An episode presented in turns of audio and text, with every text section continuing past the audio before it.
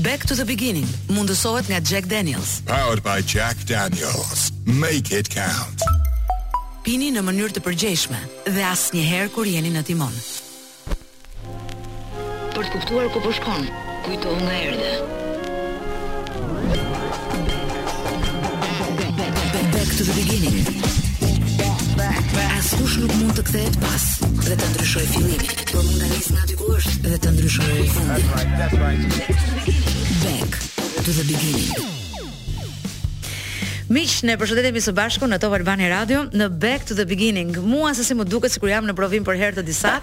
Ndonëse është shtatëmbëdhjetë vite më para, në mos kjo studio, kjo frekuencë ka qenë sigurisht familja ime e dytë, kam kaluar pothuajse mesatarisht tre, katër, pesë, gjashtë orë në ditë dhe sot shtatëmbëdhjetë vjet më vonë unë, Kozeta Kurti së bashku me Top Albania Radion kemi bashkë histori që na përkasin.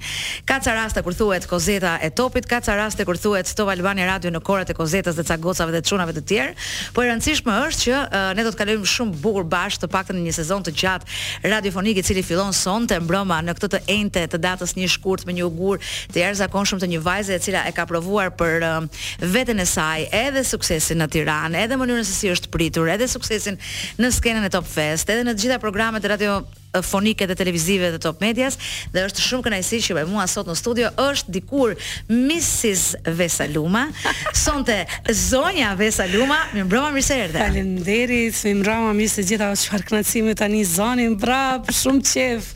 Thashë edhe më herët na jemi jemi jemi rrit me zërin tënd. Kështu që jam shumë shumë e lumtur që po e rinis dhe un jam dëshmitare e kësaj gjëje që po ndodh me ty.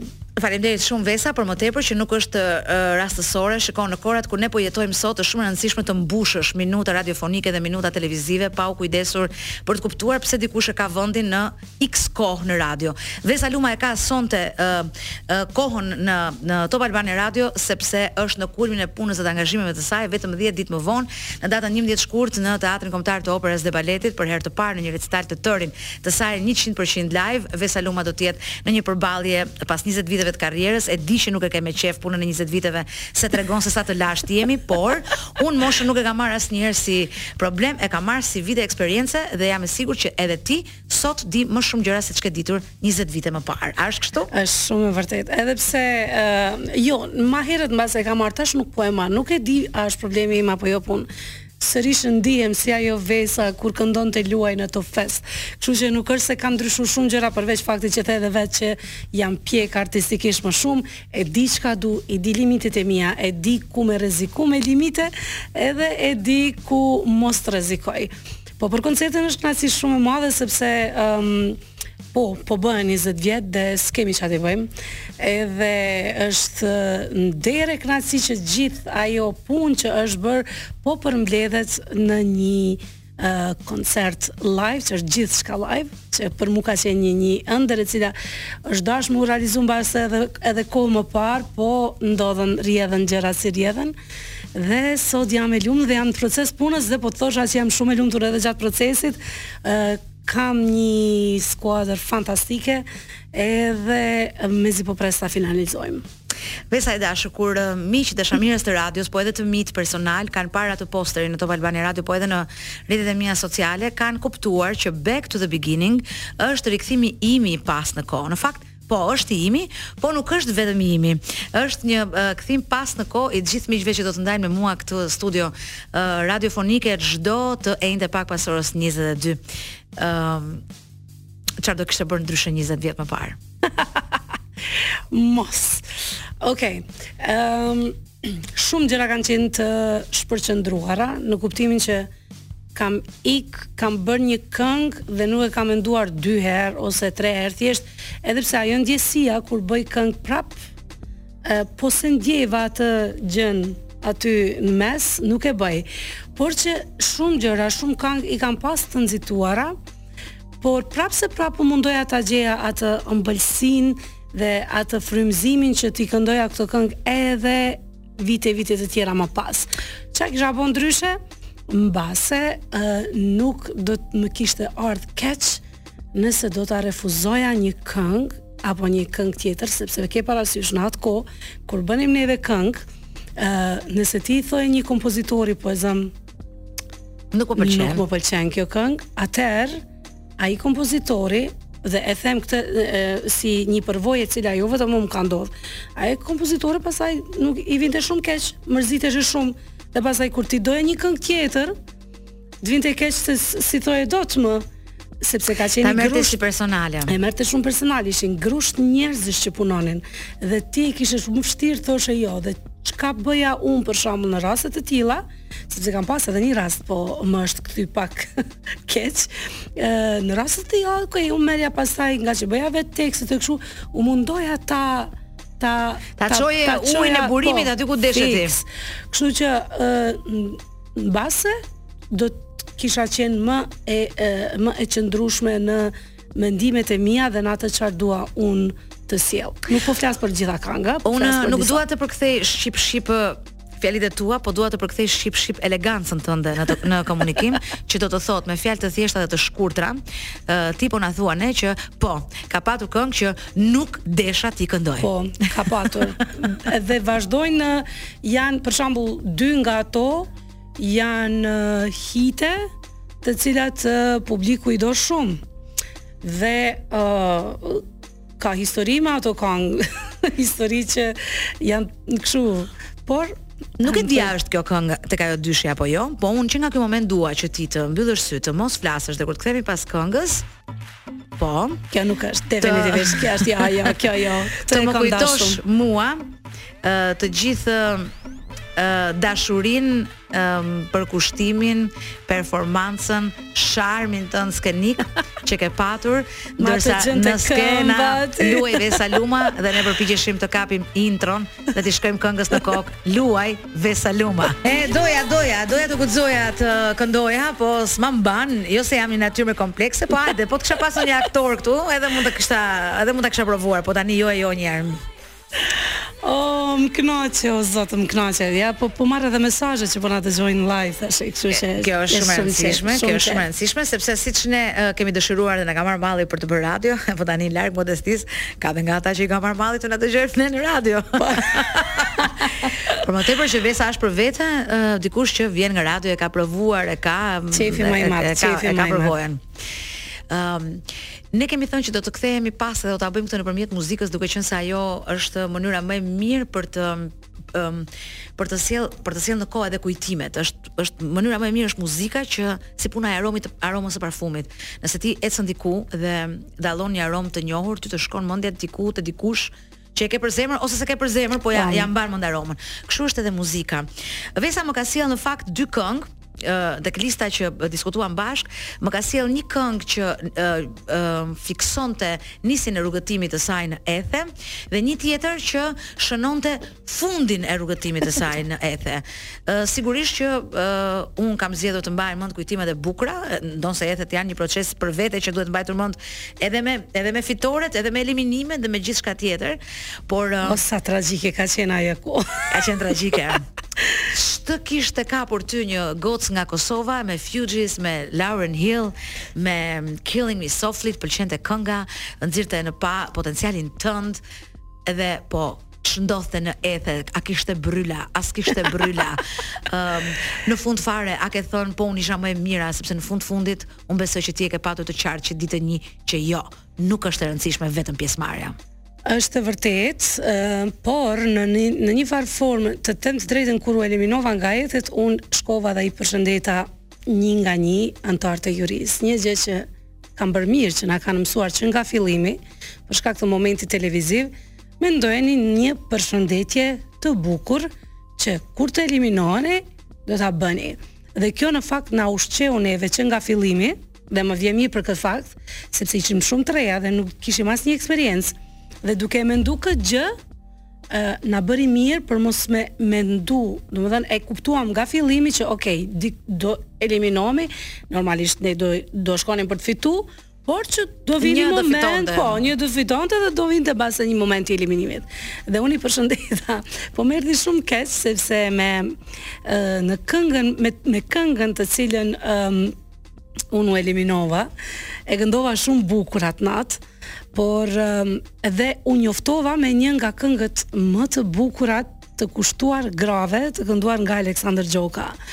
Sepse un i dija këngët e Aleksandër Gjokës që ishin hite, sidomos në festivale më the tash, por kët këngë e kisha pak më të panjohur dhe pastaj duke kënduar, duke uh, kuptuar edhe tekstin edhe gjithçka, Ëm është vetë një peng në Ethe që u eliminova me atë këngë, por që ka qenë një kujtim shumë shumë i bukur. Ndërsa për Fugees Lauryn Hill, un me Fugees jam rritur patjetër, madje me Whitney Houston, me ka qenë një frymë, ajo është Lauryn Hill është një ndër muzat e mia edhe i shoh i kam i kam dëgju ja kam um, kur kam qenë më e re kam mundu me kopju atë stilin muzikor si këndon ajo domethënë prandaj do e zgjedhja patjetër për ta këndu për të herë të parë në Ethe. Ti Vesa në cilin edicion ka qenë kush ka qenë fitues në atë vit?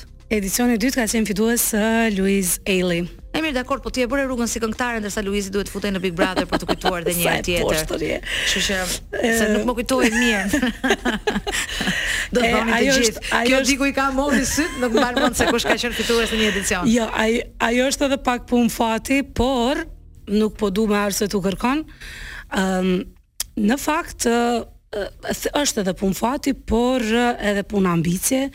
Ai ndoshta si mashkull e ka pas pak ma të vështirë, por nuk është thash, nuk është se kemi qenë e kemi qenë Ethe dhe pastaj na ka prit ndonjë kontrat. Mm. Më tutje, kemi vazhdu gjithë secili me forcat dhe me ambiciet tona.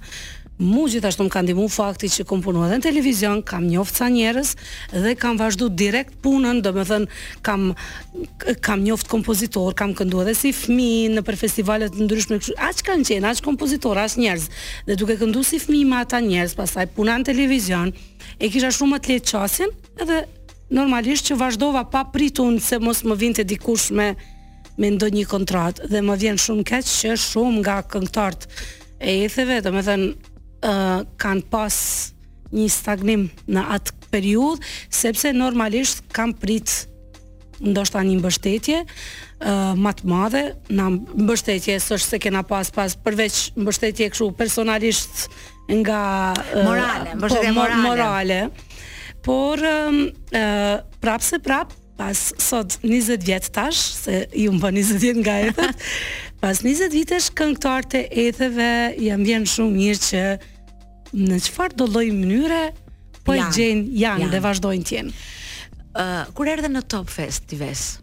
që më duket ka qenë 2007 2007 apo 2006 nuk e maj mend 2006 2007 që kanë po. qenë dhe vitet e mia më të bukura në top se dhe ishim rritur isha rritur unë ndërkohë isha shumë më afër gjërave të bukura 2007 ah fuqia e një medie të madhe që kishte promon në kushtet e një mungese të rrjeteve sociale Instagrami, TikToku, Facebooku radio dhe televizioni kishin magjinë për të çuar shumë shpejt tek publiku aty desha dal sepse ishte vetëm një platformë e cila domethënë ti merrje pjesë në Top Fest këndoje këngën dhe ajo këngë u luante pastaj në digital në My Music luante me muaj përpara, kam përshtypjen 2 ose 3 muaj, po, nëse nuk gaboj. Përpara se të vinin dhe në momentin që ne ishim live aty këngët këngët vetëm njiheshin, ato të cilat i pëlqenin publiku. Kështu që ëm um, ajo është një gjë aq ka qenë diçka që për neve këngëtarëve, unë besoj jo vetëm për mua, por për të gjithë, ka qenë një diçka që na ka dhënë një shtysë të jashtëzakonshme, sidomos për karrierën. Këngët e Top Festit, un kam marr pjesë dy herë në Top Fest me edhe për mua do të ketë një zemër edhe luaj. Ë me Top Fest kam marr duket Best Female nëse s'gaboj, me edhe për mua do të ketë një zemër Best Song. Edhe ë uh... pra praktikisht ke fituar festivalin, se në gjykimin tim Best Song është Ai po. është çmimi i festivalit, kënga. Patjetër që po, po çka është më e mira është kur kemi ardhur neve, kur e kemi pa skenën. të madhe si në MTV Music Awards, për neve ka qenë një domethënë e maj men atë skena dhe pastaj në mes ka qenë një rreth podi. pastaj podi pastaj aty emrat tonë në atë kohë me të shënuara me LED, poshtë që ka qenë e pakonceptueshme për dikë që, domethënë ishte viti 2007, ë, dhe sot e kësaj dite prap në festivale e njëjta gjë përdoret. Ose jo, ose, ose jo, ma, ose jo, ose ka ose karën. Shkoj me kujtimet e, ve, e vesës me Killing Me Softly Fugees. Jua tregoj un nga erdhëm, ku po shkojmë dhe ku ishim. U habita shumë ndërsa hyra në studio, në fillim të programit dhe pash në një nga studiot e editimit të Top Albania Radios një vajzë. Në përgjithësi në përvojën dhe karrierën time 26 vjeçare në media, më ka qelluar shumë rrallë ose që të jem e sinqert, s'kam pa kurr më parë që të jetë në një studio editimi një vajzë. Dhe çfarë ishte më e bukura është që e njëjta ndodhet tani përballë meje në pultin e transmetimit, është vetëm 18 vjeç. E Kloi do mësosh me mua se un çfarë ma ka barku ma nxjerr bardhaku, kështu kanë thënë shumë vite më parë dhe një nga gjërat më të bukura që më kthen mua pas në kohë është se Keli babi i Kloit është një nga kolegët e mi më të vjetër në Top Albania Radio që në fillim të viteve 2000. Uh, imagjinoni un kam ikur nga radio kur uh, Kloi duhet të ketë qenë një vjeç ose oh, me muaj. Shikoj si vijnë kohët. Po kjo s'do të thotë që un jam tezë, ëh, këtë duhet ta kuptosh. Un vazhdoj të jem një gocë e re me plot po, energji. ja sa më mirë edhe mu kur i pash vajzat këtu. edhe kur e mendon, domethën aq shumë m'bo qefi kur e shoh gjeneratën e re që janë aq igër për punë, sa që nuk e di, po, zemra mal më bohet. Më përpara keqkuptoheshin, për shembull, vajzë në makinë, nëse ndodhte që kishte trafik imagjino, diku, po. do të jetë patjetër grua ajo që është në fillim, pse do të jetë patjetër grua? Kamera, pultet e radiove, ku di un, polic, roje po, sigurie, gjithmonë është ideja që janë profesione burrash. Edhe Kloe nuk jam feministe, jam njeri i aksionit. Kush është i aftë për të bërë një gjë e bën, nuk ka rëndësi nga që jam. Po mirë mi goc ti Kosovë. Hajde më. Burrin ç'pate që erdhe dhe e gjete në Tiranë. Edhe si e gjetëm? Dhe ku e gjetëm? Do thua ti që s'mora një burr bankier, unë një burr artist mora dhe patjetër që në rreth artistësh e kam njohur. Po tash hapim çka, muhabete grash se, na duan dhe këto. Ai kam njoft, e kam njoft, nuk është se s'e kam njoft, po s'ia kam var shumë. Ai do më para.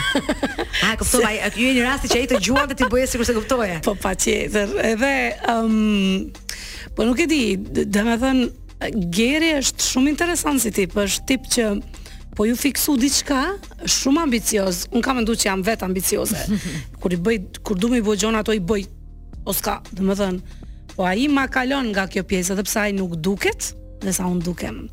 Ai më kishte pa mu se i kisha pëlqy se jam bionde mm. më kishte pa po i kishte ardh inat se s'i kam kërku nj'herë tekst ndërkohë që unë tekstet i bëja vet dhe s'kam pas naj qëllim për m'i kërku tekst po në atë kohë ishin 2-3 njerëz që bënin tekstet dhe vazhdojnë t'jenë nuk e di tash por uh, Geri bënte tekstet të gjithve dhe unë nuk i kisha kërku tekst po Po pse ti nuk më ki, ça ki ti me mu? do me thënë si hyri, tironsit muhabet, ça ki ti me mu, që s'më ki kërku një herë tekst, i thashë pse me të kërku ty tekst, i thashë tekstet i boj vetë, aaa, pastaj ndryshoi muhabeti se kishte kujtu mos kam ndonjë gjë kështu personale, sepse... Ai ka menduar se ti je bjonde barsoletash, po nuk e di ai që ti je bjonde nga ato që të bjen ujë në bisht të lugës, do me thënë. Allah, ça i boj i shkreti, oh, i shkreti ça heq me mu, sepse njerëzit mendojnë kështu që jam... Um, Jam, jam shumë e qetë, po në raport me Gerin ai ka do të marr çmim Oscar kur të plakem se tash jo. A e di pse prapë me rezerva pak, po. A e di pse të pyeta Ves, nuk kam qenë asnjëherë e predispozuar për të bërë programe që kanë në qendër rubrikën rozë, kurrë. Nuk kam qenë as kur isha 20 vjeç, e jo tani që jam 42, e një ditë se kam bërë dje 42 vjeç. Por uh, të pyeta sepse desha të dalte kënga. Si e bashkonte një hip hopist me një uh, këngëtare që i, i bën zhanret, po me sa kam kuptuar, ti të pëlqen muzika soul, të pëlqen muzika po. R&B. ë uh, t'i bashkonte One in a Million për shembull. Ku ju bashkoi juve kjo këngë? Sepse një nga tekstet të, të cilat Geri m'i dërgonte mua që ishin komplet me poezi dhe që janë të harruara sot dhe njëqind vjet që nuk dërgohen më, janë uh, ishin uh, uh, që je një në një milion. Mm -hmm. Dhe në ndërkohë uh, kur ishim uh, në fillimet e njohjes tonë, kudo që uleshim në lokal, lujke ajo këngë, si kështu, si, si rastësisht. Si rastësisht. jo, dhe vërtet rastësisht, edhe pastaj kjo ngeli kënga jonë, One in a Million, nga Anio si të themi ta kishte prezantuar më bukur sesa Vesa askush nuk do e bënte dot për shkak se ja, ja, ja. është kolona e dashurisë së vet dhe atëherë Geri ma kërkonte mua këtë këngë në radio, se më kishte shoqe.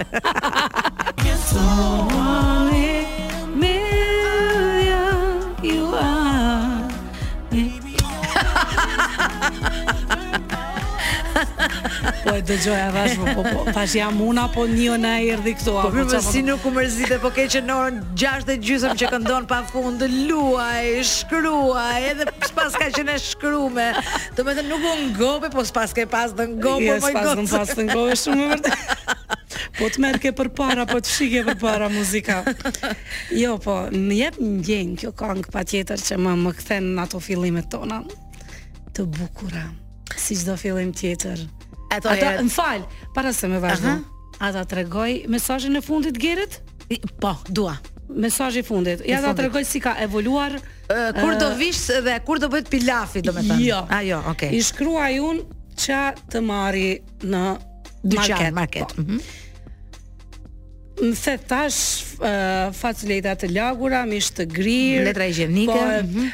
Pana, tha dhe i them, pana të njelmët, mbi të gjitha, sepse isha tu mendu si thonë gjelt, na i thonë gjelt, e kam dëgju në argerin të thonë gjelt, njelë, thash, oke, okay, njelmët.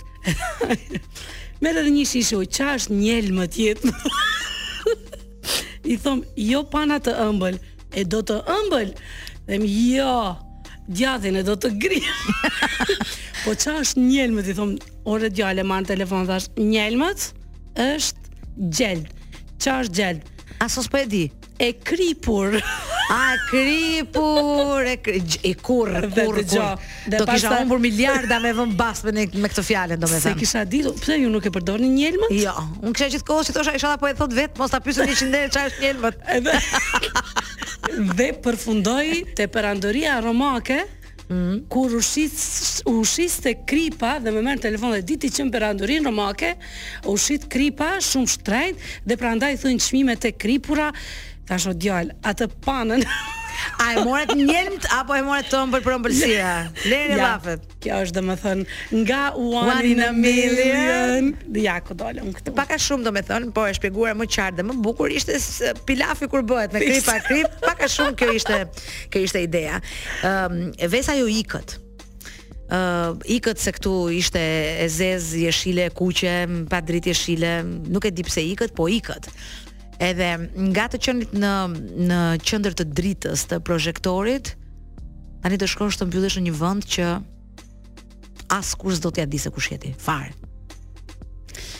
Ne nuk e kemi pas si mbyllje si fillim, e kemi pas si një gjë e cila duhesh bërë, si nga ana personale, pastaj vjen ana artistike, mm -hmm. sepse gjithmonë personalen e kemi si fillim, edhe më vjen mirë që si unë si Geri nuk dum me ia ditë për anët e tjera nëse personalen nuk e kemi të mirë. Mm -hmm. E dim, nesër mas nesër këtu jemi, falë zotit talentin e kemi, uh, edhe po deshëm andej ose kudo në botë, Besoj me kaq eksperiencë që kemi, edhe sikur mos dinim asnjë gjë për po them muzikën me kaq eksperiencë, me punën që kemi bo gjithë kohës edhe me vjet që i kemi, nuk është se s'do ishim gjind në çfarëdolloj vendi të botës. Mm -hmm. Dhe prandaj personalen e kemi lonë gjithmonë të parë. Dhe si fillim, Zelandën nuk e kemi pas si ikje, e kemi pas si një shpëtim i joni.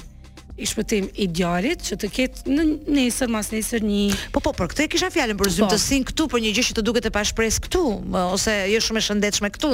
ne uh, na kap një lloj uh, Gerin më shumë, një lloj s- panike në momentin që lindi djali.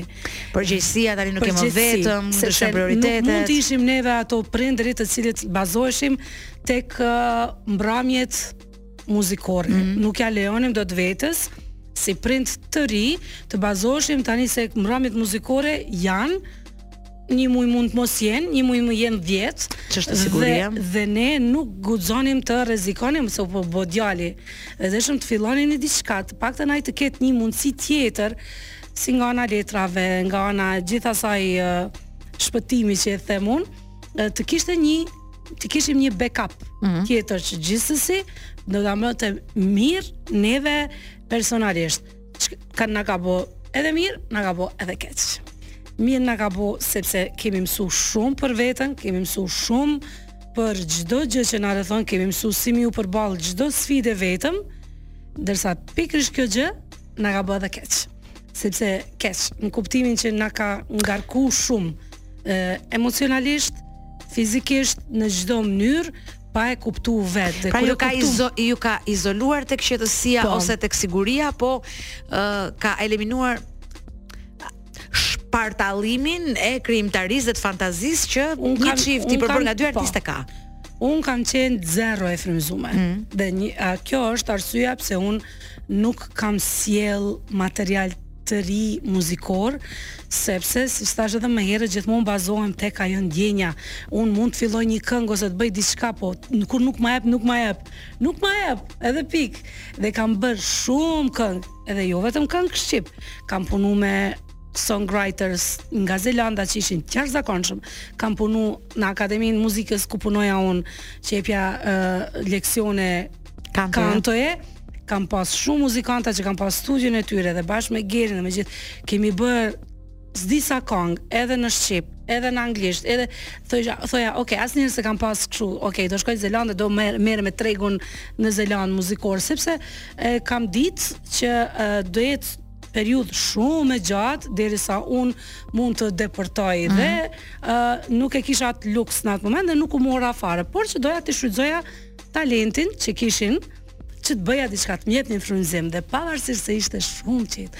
Ato zogj që cicëronin çdo mëngjes që akoma i kam në vesh. Çdo gjë ishte pothuajse perfekte, mua frymëzimi nuk më vinte. dhe do ti që kur u kthy dhe jam super e frymëzume. Si ka mundsi? Këtu te ky trafiku, te po. ky te te si ky problemi te komshiu që të hedh plerat ndonjëherë. Dhe po dhe për këtë ka fajin shteti pa diskutim, kur ti le uh, qesën e plerave dhe të mbeturinave tek dera e komshiut. Vesa, un uh, në mesazhkëmbimet tona për uh, listën e sotme muzikore ti më the këtë këngë, këtë që do të dëgjojmë ne tani, Elton John I'm Still Standing e përdornim uh, kur ishim weekendeve të mërzitur. Po. Uh, e vetmja gjë që Aha. na bënte që të mbyllim gjithçka që kemi çdo siklet, çdo dhimbje, ia lëshojmë zonin, E mësoi edhe djali këngën përmendsh edhe shëtisnim nëpër ato rrugët e bukura të Zelandës. Ë A ishte a, a ishte Shqipëria në planet për t'u kthyer apo erdhi një moment që ok, i morëm këtij vendi atë që mund t'i merrnim, e kemi mundësinë të kthehemi këtu kur të duam, po tani balta është më e ëmbël se mjalta, pikërisht aty ku ka baltë në Shqipëri. Ë shumë pyetje e vështirë kjo. Un kam pas momente që kam Jam kthy, kam ardh, kam shku, kam ardh. Geri s'ka qenë 4 vjet. Ëm um, nuk e di se si e ka mbajt ai veten gjithë ato kohë, por uh, un po, un kam qenë, ok, do rrimë edhe do ikim, do rrimë edhe do ikim. Që nuk e mendoja para se të ikja, kam mendu që jam shumë e fortë, nuk do kthehem mbrapa, unë jam kthy mbrapa. Dhe unë për gjithë ata që ndoshta nesër masnesër kanë, dun me me me e përjetu një sfidë të ngjashme, këshilla e vetme është mos ta kthejnë shumë kokën pas siç kam bërë unë, ose mvaret për çka shkon ë, domethënë se shkove ti për studime, Është sikur të mbaroj do, po, vish. Por që nëse të vjen puna për çfarëdo lloj gjëje, për fëmijë ose për çfarë çfarëdo lloj halli sikleti që mund të kesh, që të largohesh, e vetmja këshillë është mos u kthe mbrapa në kohë, sepse kjo mua personalisht më ka dëmtu shumë.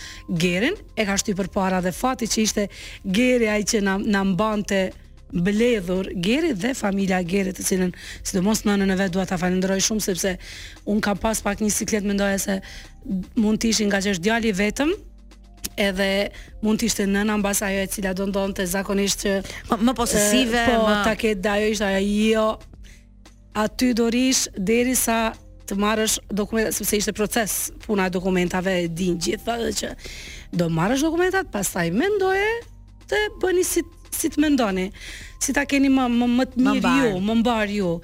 Kështu që ë fati ishte ai. Ndërsa ë për mu kthy, po, po them, Gerin mbase ma pak, unë e kam mendu gjithë kohës, po kur vija këtu, thoja, ça, ça bëra, më isha mirë atje isha qetësi, po ndoshta pse i kisha Gerin. Kloi, do ta eliminojmë Elton John për momentin sepse edhe koha shkon uh, duke u shkurtuar dhe ne ngadalë ngadalë shkojmë në limitet e kohës radiofonike. Po të lutem aty do shkojmë. Dëgjoj pak tani.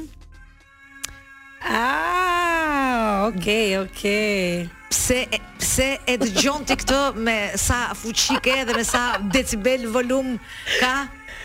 Po ec e mos e ndëgjo. Ja. Okej. Okay. Do ta dëgjojmë, po uh, uh, lumturohemi vet, po i hedhim flokët në tok vet dhe po kthehemi uh, përsëri në studio bashk. Kjo është Djemtë e Nonës Jericho. Shumë shumë prodigy. Shumë prodigy. E s'kam as edhe një arsye personale, as asnjë gjë. Është vetëm një këngë që thjesht dua me ja ngrejt zonin maksimum. Ja një tjetër kujtim që më çon tek piramida. Pra jo vetëm Top Albania e dytë as e para jo, sepse e para ka qenë shumë, shumë, shumë, shumë, shumë herët në vitin 98 në qendrën e Tiranës, ande nga pjaca, po e dyta ishte Top Albania e dytë pra në piramid, por aty aty ishin dhe ato partet që bëheshin dikur tek ish mumja, sepse tani mund t'i përdorim emrat e bizneseve që nuk ekzistojnë më, pa asnjë problem sepse nuk konsiderohet reklam. Sa shumë kam nejt aty. Sa Djemtë e Nonës është kënduar atje dhe sa e kanë Jericho për të bërë koncerte në piramid atë. Kam nejt aty unë. Ishte më ça do ti këtu. Ça do ti këtu ti duhet të ishe. O jo, djal, o çikë, ça t'dush, unë du m'ardh me nejt. Du m'ardh m'u kënaq. Më pëlqente shumë. Shumë. Jeta e natës ka qenë në atë kohë në lulëzim, nuk e di kam vite që s'dal me shiju jetën e natës. E mirë bën se nuk është se humbet ndonjë gjë tani në këto kohërat që ne po jetojmë tani, sepse dikur po në mesin e viteve 2000 kishte vende të dedikuara, pra ti e dije ku shkoje të dëgjoje muzikë rock, ku dëgjoje muzikë pop, ku dëgjoje muzikë dance, ku dëgjoje ku di un muzikë popullore qytetare dhe serenata korçare ka patur vende të dedikuara, ndërsa tani përpjekja për të qenë generalistë dhe për të kap të gjithë na ka bërë pak të mundimshëm. Po. Ves ti erdhe në ti provove sensin e garës, erdhe në garë, nëse po, erdhe në garë, ca muaj më parë, një muaj e ca më parë në festivalin e këngës në institucionin në më të madhe të këngës shqiptare për momentin ndonëse shumë gjëra e marrëdhënia e kredibilitetit në vite është vënë në diskutim e të tjera uh, si këto. Uh, megjithatë si artiste, ajo është një skenë që të llaston, është orkestra e madhe, ka ca gjëra atje që nuk ka rëndësi i pari, i dyti, i treti, i njëzet e shtati, po aty ka, ka një emocion, ka një, ka një presion të bukur që ka artisti.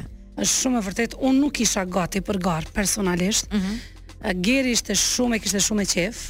Edhe tha do ikësh ti thashë unë nuk un kam vite që i kam shkëput marrëdhënie me festivalin sepse për një arsye të vetme sepse nuk më pëlqejnë më garat. Domethënë, s'më pëlqejnë mua, nuk më japin kurrfarë lloj frymëzimi as ndjenje përveç stresit. Gabim, ne jetojmë në një vend ku uh, meritokracia mban uh, numrin 1, njerëzit janë në vendin e duhur, në kohën e duhur, kështu që jam uh, shumë e zhgënjyer Vesa Luma që ti je e zhgënjyer me garat. Po jo, më jo, nuk është jam e zhgënjyer, thjesht nuk më nuk më jep më atë ndjenjën që e kam pas bërë. Adrenalinën. Por, adrenalinën, por i thashë Geri do vi Vetëm po isha musafire në një këngë tënde që vazhdon të mbetet dhe do të mbetet besoj një ndër këngët më të bukura që kemi realizuar bashkë. Shumë shpirtërore, edhe s'ka ma mirë se me përjetu me me gjithë atë orkestër të merren gjithë ata njerëz me ty, me atë performancën tënde, pastaj se ça u bë ça s'u bë, nuk kishte fare rëndësi, ma tha një kolege ime që ishte në sallë sepse un Nuk e kam dje se kemi qenë aty. Ajo ka qenë edhe musafire, po ka qenë pastaj ka shiju um, festivalin dhe më tha, po të them jo për ta bërë qejfin, po po të them kanga që e keni këndu ju është këndu në sallë. Unë thashë, "Ok, për mua kaq më ka mjaftu për mu si Vesë. Geri ishte më ndryshe, sepse ai normalisht e, kishte dhënë shumë emocionalisht për e mendonte e mendonte ndryshe, e mendonte si Zelandën, e mendonte ngaqë ishte tema teksti, e mendonte që ta bënte një tekst i cili do të tregonte fëmininë, do të tregonte synimin për të ardhmen si Shqipëri, edhe do tregonte atë ndjenjen e dashnisë mes në një familje. Prandaj kemi thënë për atë këngë që nga këngët e rralla të gëzuara sepse ne moj motër vdesim duke prerë damarë nga mëngjesi deri në darkë sa herë dëgjojmë këngë me puthje me ndarje ti më deshe mu unë të lashë ty domethënë jemi uh, tërësisht të lodhur të masakruar nga nga gjithë ky depresion kolektiv në krijimtari është shumë e vërtet po e mira është që ajo është siç the ti një platformë që U fol, ajo gjithmonë flitet.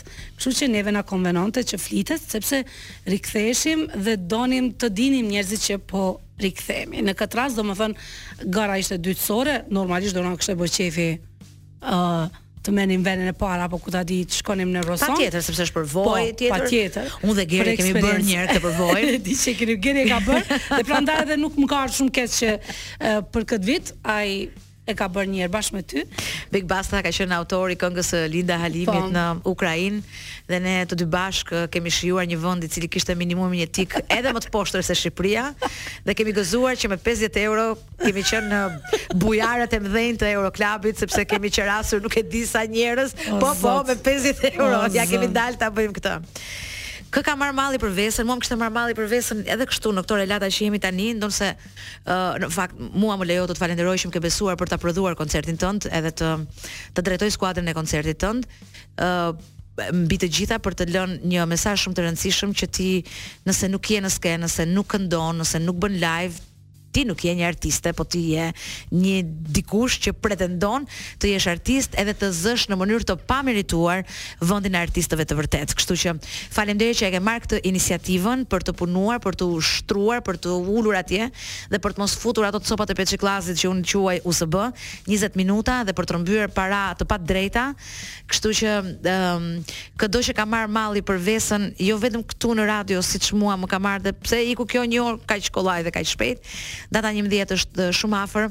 Vesa këndon, Vesa kërcen, Vesa moderon, ë uh, ja, Vesa të nderon. Dëgjoj. Uh, mos t'i bëjmë kështu qokat njëra tjetrës. Jo, nuk është qokë. Po, është e vërteta, unë jam shquar për të vërtetat e mia. E di, por ti e di shumë mirë që po mos ishe ti me i bërë të gjitha gjërat më të lehta për mua, t'i organizosh të gjitha.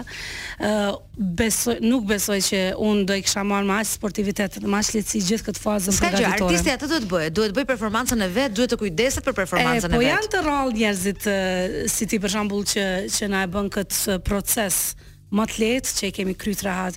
Po ato falendrimet e mia për ty në një moment tjetër. tjetër. Po po do t'i jap në datë 11, në datë 11 ç'do po jo, do vishem bukur, do krihem po, te parukieri, do laj flokët. Ha, unë do marr bardh rokiti në atë moment, kështu që Vesa e dashur, unë të falenderoj shumë që ti ke qenë ke qenë në studio me mua sot, kemi çelur bashkë një uh, program të ri për mua në Top Albania. Përvoja bën të vetën, sigurisht që unë ndihem komode në një mikrofon radioje, por uh, njësoj si ty. Ti zemër si mos kishe ik fare, unë nuk e di çka ke bë. Pse, pse ti duhet të jesh domethënë njëzet e katër shtatë njeri këtu se pavarësisht çfarë bën, me krejt energjinë tënde, edhe jam e bindur që edhe Top Channel edhe Top Albania, Albania Radio është shumë me fat që të ka ty. Edhe amanet mos ju nda radios asnjëherë. amanet po jua lë të shiheni me Vesën në 11 shkurt në Teatrin e Operës dhe Baletit. Kena me kon, kena me kon. Faleminderit ty shumë. Amaneti i Vesës, edhe kam një amanet sapo të mbarojë kjo këngë. Ikni futjani gjumit se nuk ka më kuptim do të thënë edhe prisni që të kthehem unë përsëri javën tjetër në të njëjtën orë. Ja përsëri do të vijë gjithashtu një artiste që vjen nga shumë larg nga Shtetet e Bashkuara të Amerikës, Mira Konçi për të gjithë nostalgjikët që oh. e mbajnë mend Mirën, ka plot për të rrëfyer dhe ajo, sepse jeton shumë larg, vjen për një gjë shumë të, për një periudhë shumë të shkurtër në Tiranë, kështu që do të jetë fat për mua ta intervistoj në këtë studio se kam qenë e vogël kur e kam parë për herë të parë. Oh, Natën e mirë të gjithëve.